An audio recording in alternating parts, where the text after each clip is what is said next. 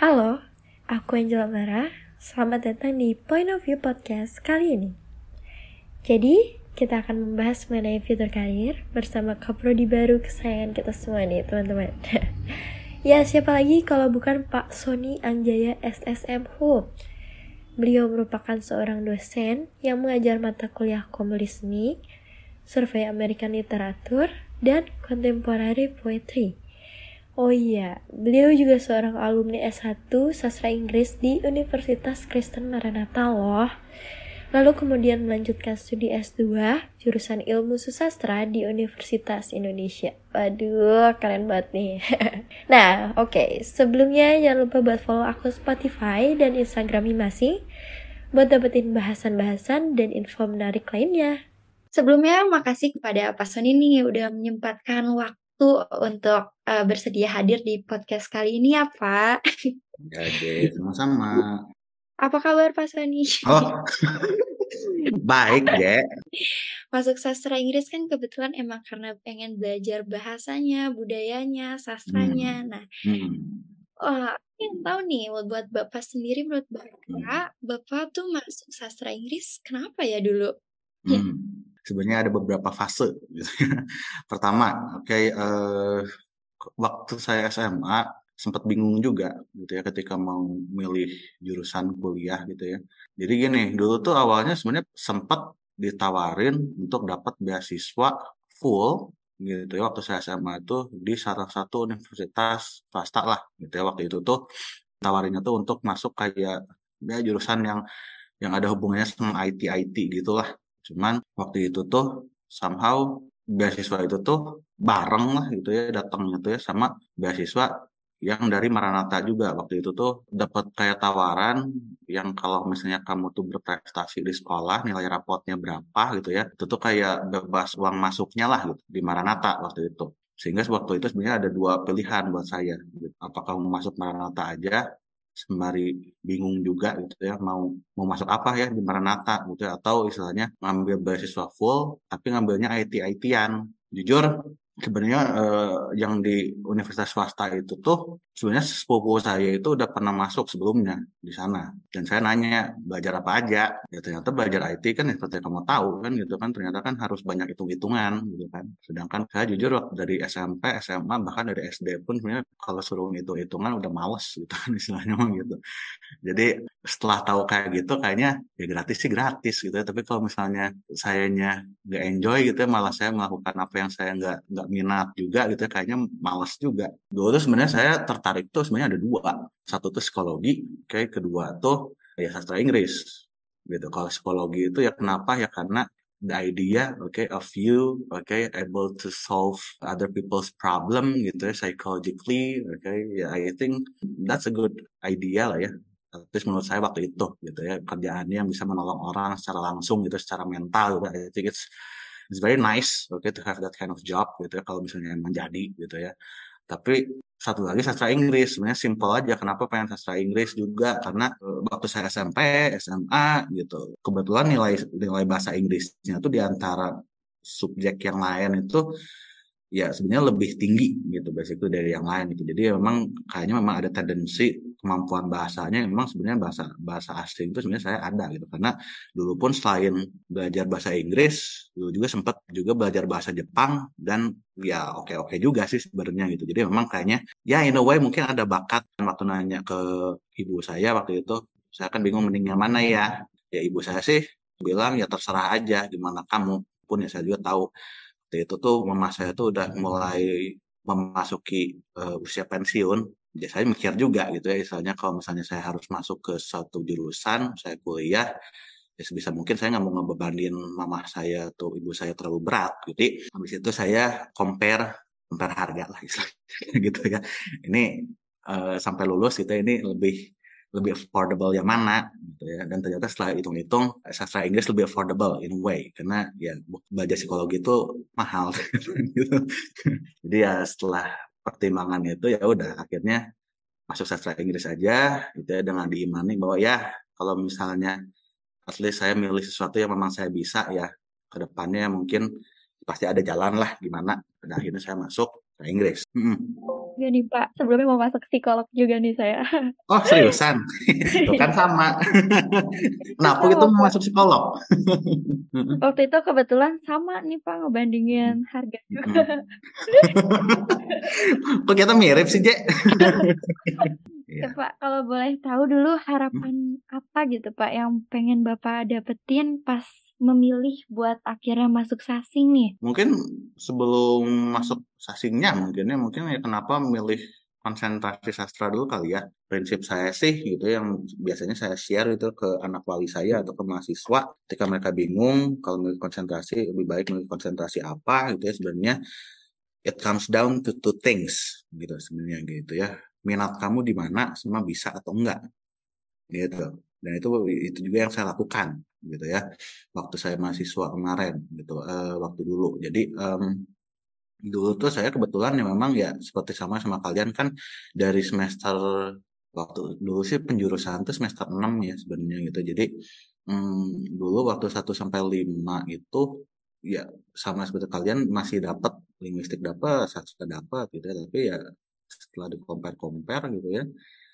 ya sebenarnya nilai mata kuliah saya yang pokoknya yang ada hubungannya sama sastra-sastraan gitu simple lebih bagus aja sih gitu dibandingkan sama yang linguistik gitu. Dari awal aja gitu kan yang linguistik aja introling gitu kan istilahnya. Ya saya sebenarnya suka-suka aja sih belajar belajar linguistik gitu kan itu ilmu baru gitu kan dan saya sih selalu senang gitu kalau misalnya belajar ilmu baru gitu. Cuman tapi ketika prakteknya gitu ya ketika waktu itu tuh ya dijelasin materinya segala macam ada tugas terus ada ujian nggak tahu kenapa tuh ya saya tuh kayak ngerasa udah ngasihnya maksimal tapi tuh hasilnya tuh selalu nggak maksimal atau kenapa.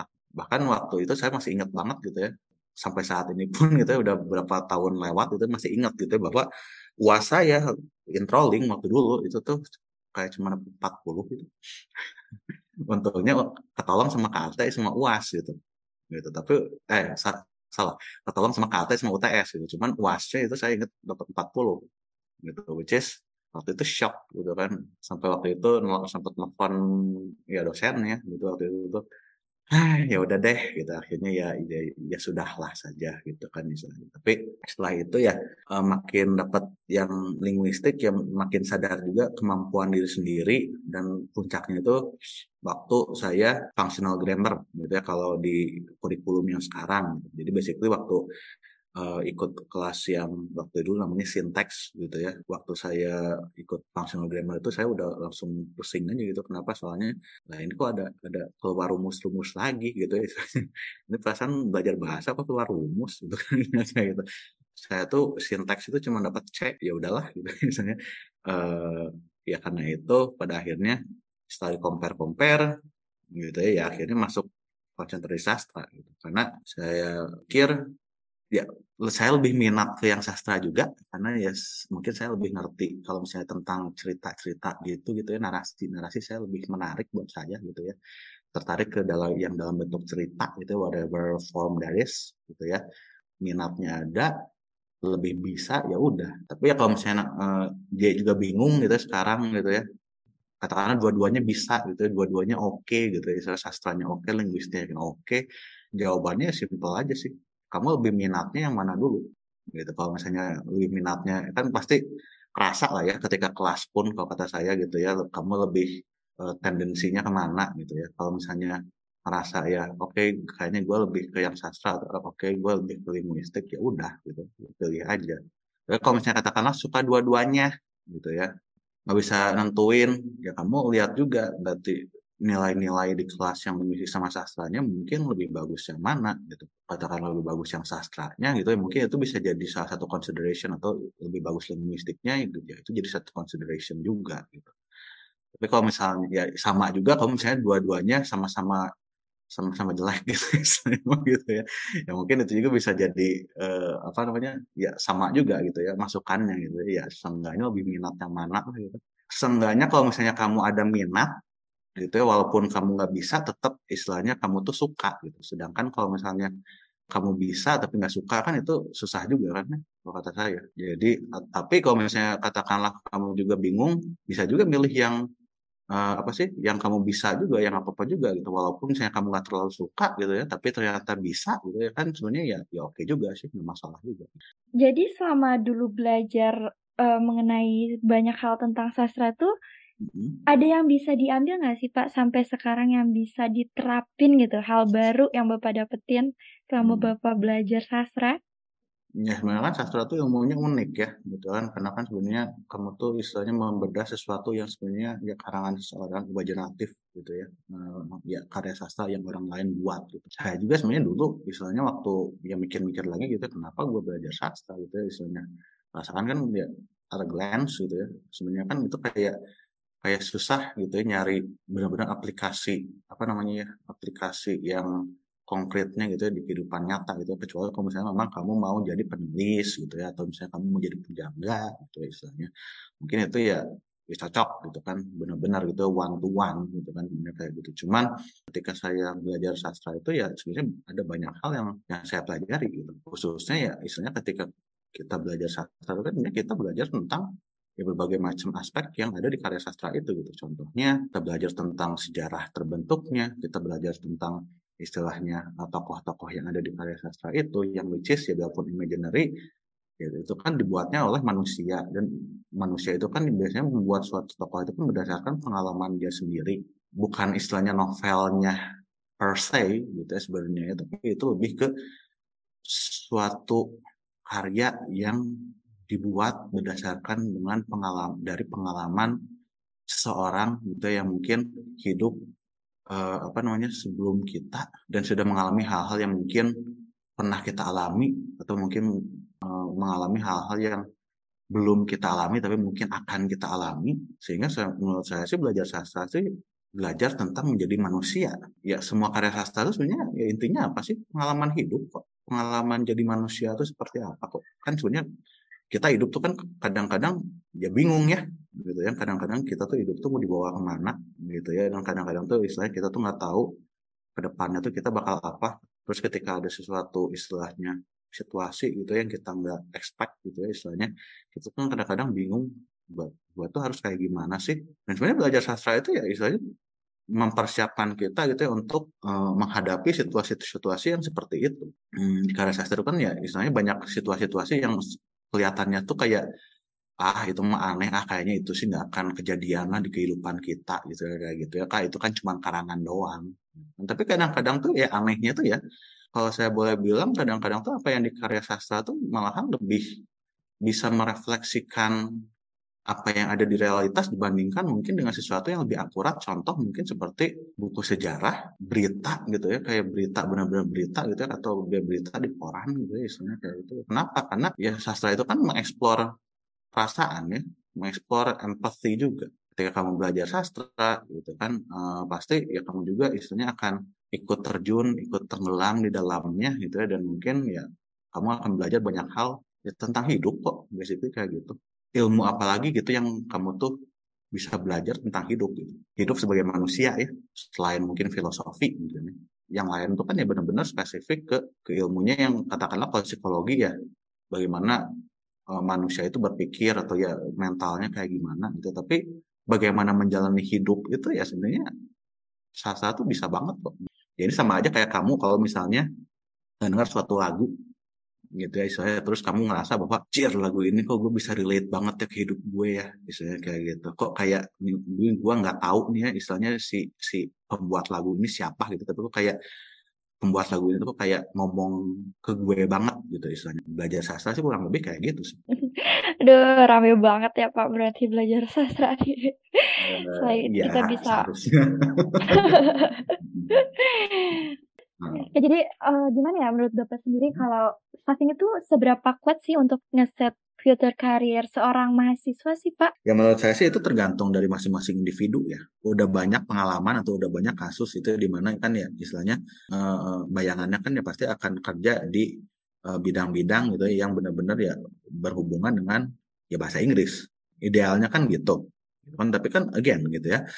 Belum tentu juga itu adalah yang kamu mau gitu lulus sastra Inggris gitu. Tapi ketika kerja kamu misalnya mungkin nggak mau gitu ya istilahnya yang misalnya kerja di yang udah hubungannya sama uh, mungkin bahasa Inggris itu mungkin kamu malah lebih uh, minatnya gitu ya jadi apa ya langsung one to one gitu ya istilahnya sama bahasa Inggris. Contoh seperti kamu pengen jadi HRD mungkin atau mungkin kamu mau jadi PR mungkin atau misalnya nggak tahu mungkin kamu masuk suka ngomong gitu ya jadi suka jual barang gitu ya jadi mungkin malah kamu tuh nggak pengen kerja itu pengennya mau usaha gitu ya istilahnya.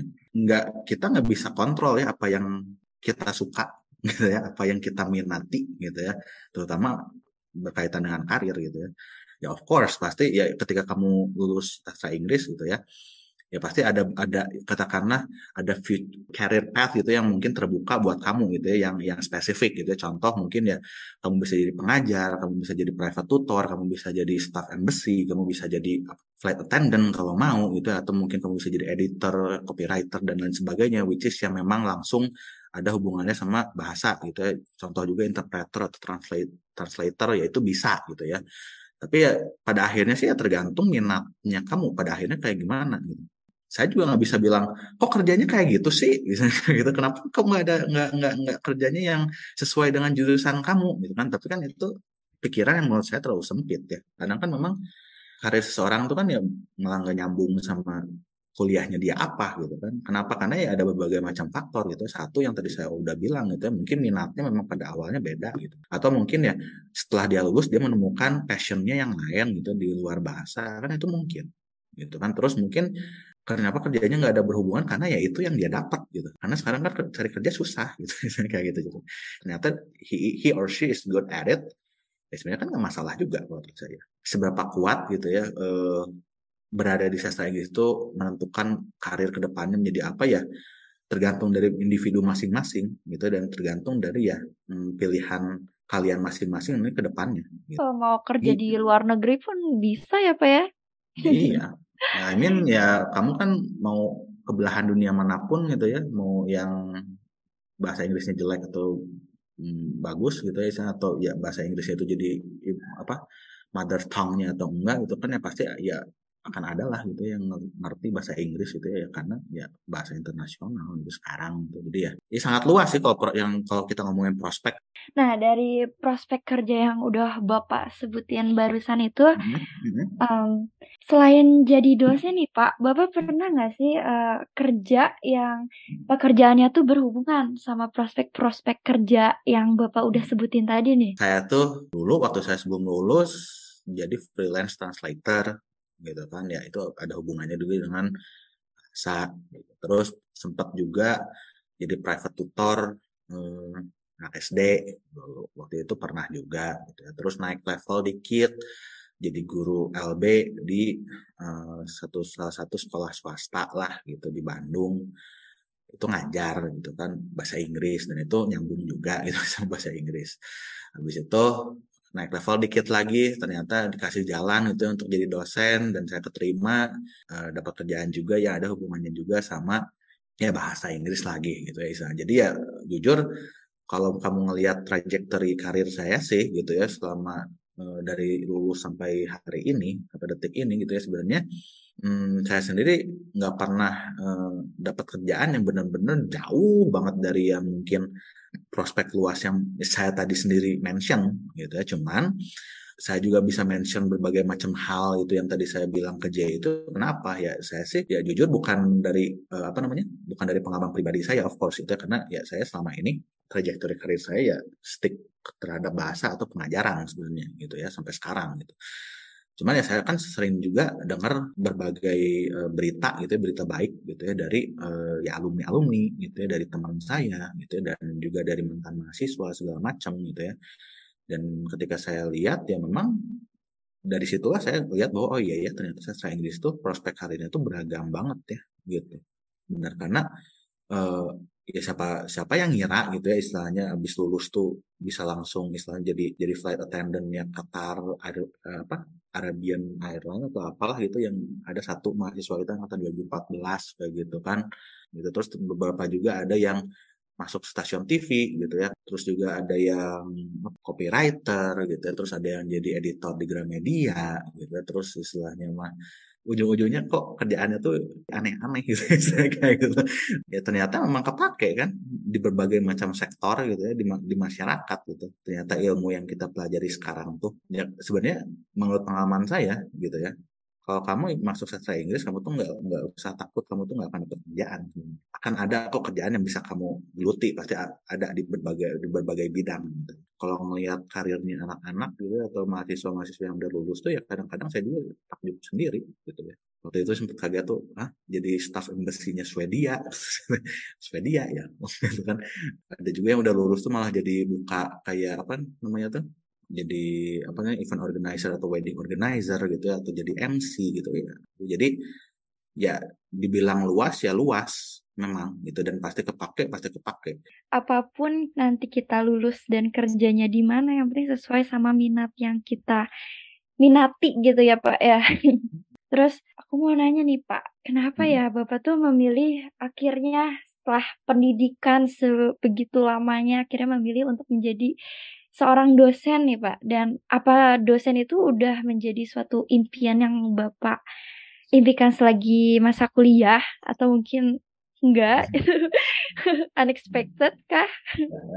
Saya nggak tahu gitu ya ekspektasi kalian apa gitu ya ketika uh, apa namanya mau ngedengar cerita seorang dosen itu seperti apa gitu mungkin di bagian kalian memang saya sih dari kecil itu sudah ingin jadi dosen gitu misalnya kayak gitu sebenarnya enggak sih gitu ya. Jujur aja ya gitu ya. Saya sih ya buat membantu mama saya saya ya magang sana sini gitu ya. Cari beasiswa gitu ya. Which is ya pada akhirnya bisa lulus juga. Intinya gini lah saya sih nggak pernah dulu ya saya sih nggak pernah punya idealisme gitu bahwa saya tuh pengen menjadi dosen. Untuk kalau minat sih memang saya ada minat untuk di bidang pengajaran ada. Ya mungkin saya ketika ketika uh, lulus gitu ya mungkin ya saya bakal jadi guru bahasa Inggris kali gitu ya di di alma mater saya yang saya kebayangan yang saya kebayang gitu gitu ya. Soalnya jujur salah satu faktor kenapa saya masuk bahasa Inggris juga karena waktu waktu saya SMA guru bahasa Inggris saya tuh dengan waktu SMP eh, guru bahasa Inggris saya tuh lumayan asik gitu. Mereka tuh guru-guru yang lumayan asik. Jadi ya kayaknya being a teacher is not really that bad of a choice gitu ya sebenarnya. Walaupun ya ya kalau kamu dengar ya situasi guru di Indonesia ya ya tahu sendiri lah ya situasinya kayak gimana gitu ya. Kalau dari segi apa namanya hmm, finansial mungkin bukan terlalu yang menjanjikan gimana gitu ya. Realitasnya kan seperti itu. Kalau misalnya memang saya minat gitu ya ke sana gitu ya dan waktu itu sempat nyobain ngajar dan kenikmatan gitu ya ketika kamu atau joy gitu ya eh, ketika kamu bisa mengajarkan seseorang dan si orang si seseorang itu yang kamu ajarkan tuh jadi mengerti gitu ya itu tuh besar kok sebenarnya itu besar banget gitu ya istilahnya itu tuh uh, unik lah gitu ya the joy of teaching itu sebenarnya unik gitu dan nggak semua orang bisa merasakan juga sih sebenarnya gitu jadi pokoknya intinya saya mau kerja mendapat uh, duit supaya ya saya nggak ngebebanin uh, mama saya terlalu banyak gitu setelah saya lulus. Goal saya sih itu aja sih sebenarnya. Tapi waktu saya lagi uh, waktu saya TA dulu skripsi gitu ya. Kan saya tuh waktu itu uh, pembimbingnya tuh Bu Yangli. Waktu suatu saat gitu waktu udah mau ujung skripsi saya beres gitu kan. Nggak tahu nggak tahu kenapa Bu Hi itu nanya ke saya.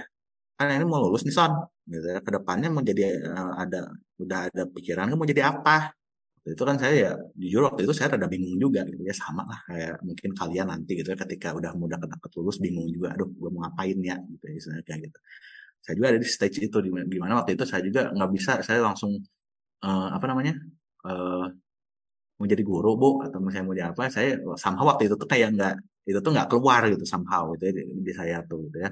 Waktu itu bingung gitu sempat diem dulu mikir gitu waktu itu tapi nggak tahu kenapa yang keluar tuh saya bilang jawaban saya ke Bu Hihi gitu waktu itu.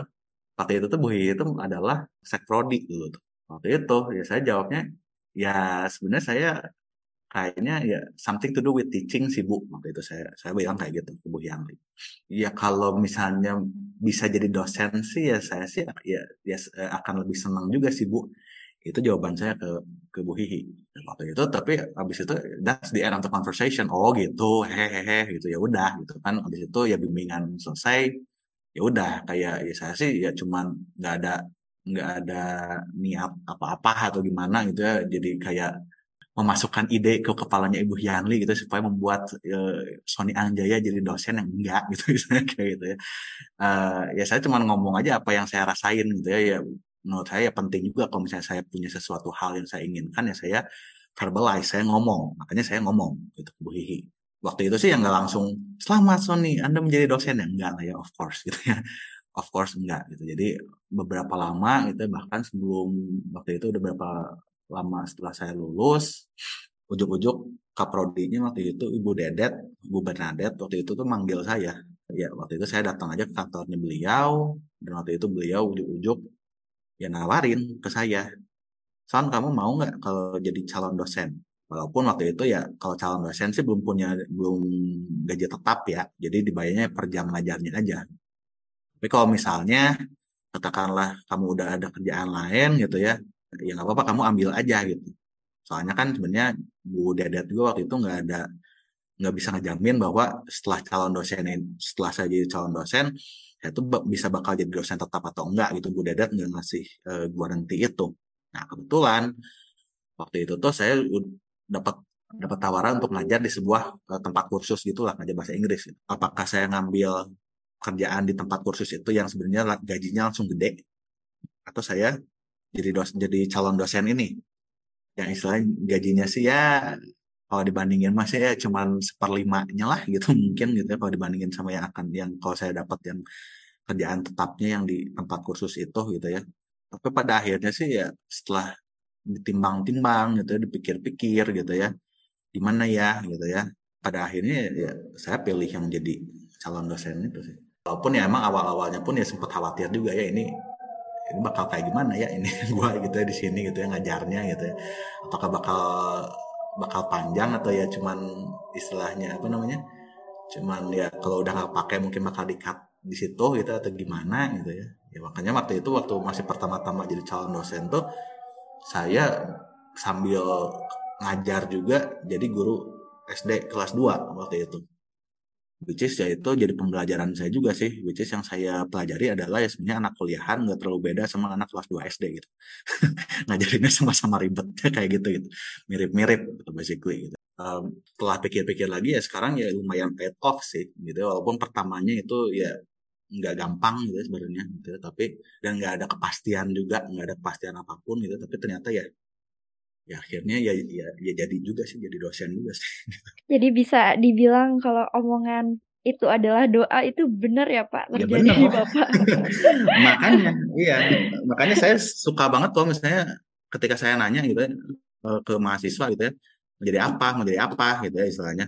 Mereka tuh istilahnya walaupun mereka nggak nggak nggak nggak yakin juga mungkin ya tapi mereka tuh bisa ngomongin gitu ya apa contohnya mungkin ya di dan gitu ya. Ketika ditanyakan jadi apa dan? gitu kamu jadi sutradara. Itu tuh penting gitu ya supaya istilahnya kamu tuh me, apa ya memverbalize apa yang ya emang kamu inginkan gitu. seenggaknya jadi ketika kamu tuh istilahnya mengekspresikan itu gitu ya ketika orang lain dengar dan mungkin orang lain punya koneksi-koneksi mungkin dia akan ingat kamu dan akhirnya ya istilahnya ya mungkin kamu akan dibawa ke arah sana gitu. Makanya omongin aja gitu walaupun mungkin kayak Allah kayaknya nggak itu kok kayaknya mau ngapain sih malu lah gitu nggak usah malu gitu. siapa tahu orang tuh jadi tahu kamu tuh mau jadi ini gitu ya. Jadinya ketika mungkin dia tuh punya channel apa dia tuh akan ingat kamu dia akan hubungin kamu. Ya jadi ketika kamu mau, mau melakukan sesuatu apa pun itu verbalize it articulate it. Itu, penting benar. Doa itu benar itu benar saya setuju. Kalau Bapak tuh punya ini nggak sih kata-kata mungkin motivasi atau pesan yang buat mahasiswa lain mungkin yang belum tahu hmm. nih nanti setelah lulus mau jadi apa atau fitur karirnya mereka tuh gimana sih cara ngesetnya? Hmm. Mungkin Bapak punya pesan nih. Ya kan sebenarnya sekarang ada beberapa mungkin faktor gitu ya mungkin nggak pernah ter nggak pernah terverbalize mungkin sebelumnya gitu ya atau mungkin ya contoh aja ya um, tentang anxiety atau tentang ya quarter life crisis mungkinnya kayak gitu ya di mana ketika seseorang udah mencapai umur tertentu atau 24, 25 itu kan umur ketika kamu tuh beberapa tahun setelah lulus kuliah gitu ya. Kadang-kadang suka bingung gitu ya istilahnya suka kayak lost gitu kan in life itu sebenarnya kok gua tuh kayak nggak tahu tujuan my life is purposeless saran saya atau mungkin pesan saya mungkin untuk misalnya hmm, mahasiswa-mahasiswa atau orang-orang mungkin yang nggak dengar podcast ini nanti gitu ya. Apa yang kalian alami itu normal. Uh, mungkin ketika kamu istilahnya setelah lulus terus kamu istilahnya feeling lost gitu ya kan sebenarnya um, bebannya gitu ya salah satu bebannya kenapa uh, kamu tuh merasa tidak enak gitu ketika uh, mengalami hal tersebut adalah bahwa kamu tuh merasa bahwa kayaknya yang kayak yang mengalami hal yang kayak gini cuma gua doang deh kayaknya. Gitu. Nah, tapi saya sih sebenarnya mau ngomongin bahwa ya karena saya juga udah sering istilahnya ya dapat ceritaan juga gitu ya dari alumni itu dari mantan mahasiswa gitu ya mau mereka tuh sebenarnya udah langsung dapat kerjaan gitu ya ketika udah lulus langsung atau bahkan sebelum mereka lulus atau misalnya mereka rada lama dapat kerjaannya atau segala macam atau misalnya mereka katakanlah bukan kerja tapi usaha atau mereka katakanlah jadi ibu rumah tangga atau segala macam ya ternyata problemnya sama kok. Gitu kadang-kadang tuh apa pun yang mereka istilahnya apa namanya apa pun jalan yang mereka pilih gitu ya ternyata mereka pun ya, at some point in their life they feel anxious they feel they feel lost as well about the choice that they make in life. Gitu karena memang mungkin ya itu adalah fase hidup yang memang kita semua harus uh, alami kata saya gitu. Jadi ketika kamu feeling anxious ketika kamu feeling worry gitu ya uh, pertama-tama yang mungkin self awareness yang harus kamu punya itu adalah again you are not alone gitu ya. Karena uh, saya yakin gitu semua orang gitu ya yang kamu tahu pun at some point in their life they felt the same way. Tapi mungkin kamu nggak tahu aja karena kamu cuma ngelihatnya mungkin orang-orang dari apa yang mereka tunjukin aja di sosial media mungkin. Mereka ngeliatin misalnya uh, sisi hidup mereka yang yang mereka mau tunjukin ke orang sisi perfectnya gitu. Padahal ya realitasnya kan nggak semanis itu gitu. Semua orang juga pasti punya khawatiran, semua orang juga punya periode di mana ketika mereka tuh merasa tersesat, merasa mempertanyakan pilihan hidup mereka tuh apakah sudah benar atau enggak gitu. Ya intinya sih gini sih. Kedua gitu ya. Pertama you are not alone. Kedua try not to compare your life with others. Itu aja gitu ya karena the most toxic things that you as a person can do to yourself is to compare yourself to others gitu. I believe that. Da, makanya kalau misal saya juga kadang-kadang suka kesel kalau misalnya ada orang tua atau misalnya siapa gitu yang suka ngebanding-bandingin anaknya sama orang lain gitu ya istilahnya kayak gitu. Itu kan e, mungkin niatnya mah baik gitu ya istilahnya mah kayak gitu ya supaya mungkin anaknya termotivasi gitu ya. Tapi kalau pikir-pikir lagi buat apa sih gitu istilahnya kayak gitu kan buat apa sih ngebandingin istilahnya dua dua orang itu yang punya pengalaman beda dalam hidup, punya kemampuan yang beda dalam hidup, gitu, punya istilahnya uh, mimpi yang beda dalam hidup, tapi kamu membanding-bandingkan gitu. gitu. Kan semua orang tuh kan punya chapter hidupnya masing-masing ya. Kadang-kadang ada chapter hidupnya tuh ada yang panjang, chapter satunya panjang, ada yang chapter satunya pendek.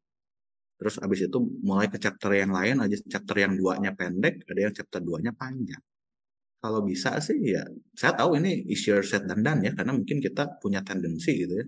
Ya karena kita makhluk sosial ya pasti kita pun akan punya tendensi untuk selalu membandingkan diri kita dengan orang lain pasti itu sih. Ya, tapi again ketika ada impulse gitu ya kita untuk melakukan itu gitu ya ingat bahwa uh, ketika kita um, membandingkan diri kita ke orang lain dengan orang lain gitu ya saya sih at least ini mah ya pendapat pribadi saya ya.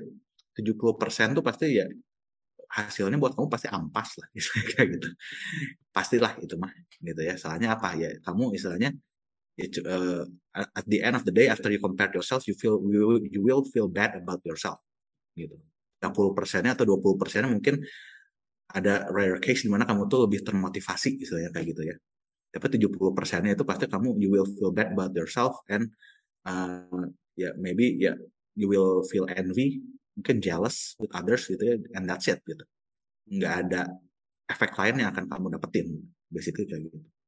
Dan itu akan menambah juga ya feeling anxiousnya kamu juga gitu.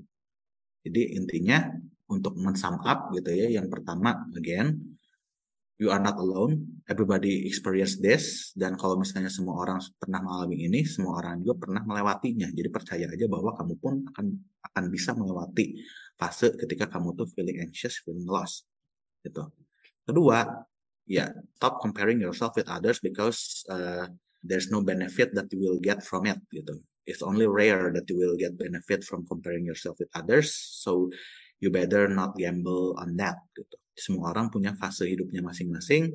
Sibuklah dengan hidup sendiri dan jangan sibuk dengan hidup orang lain.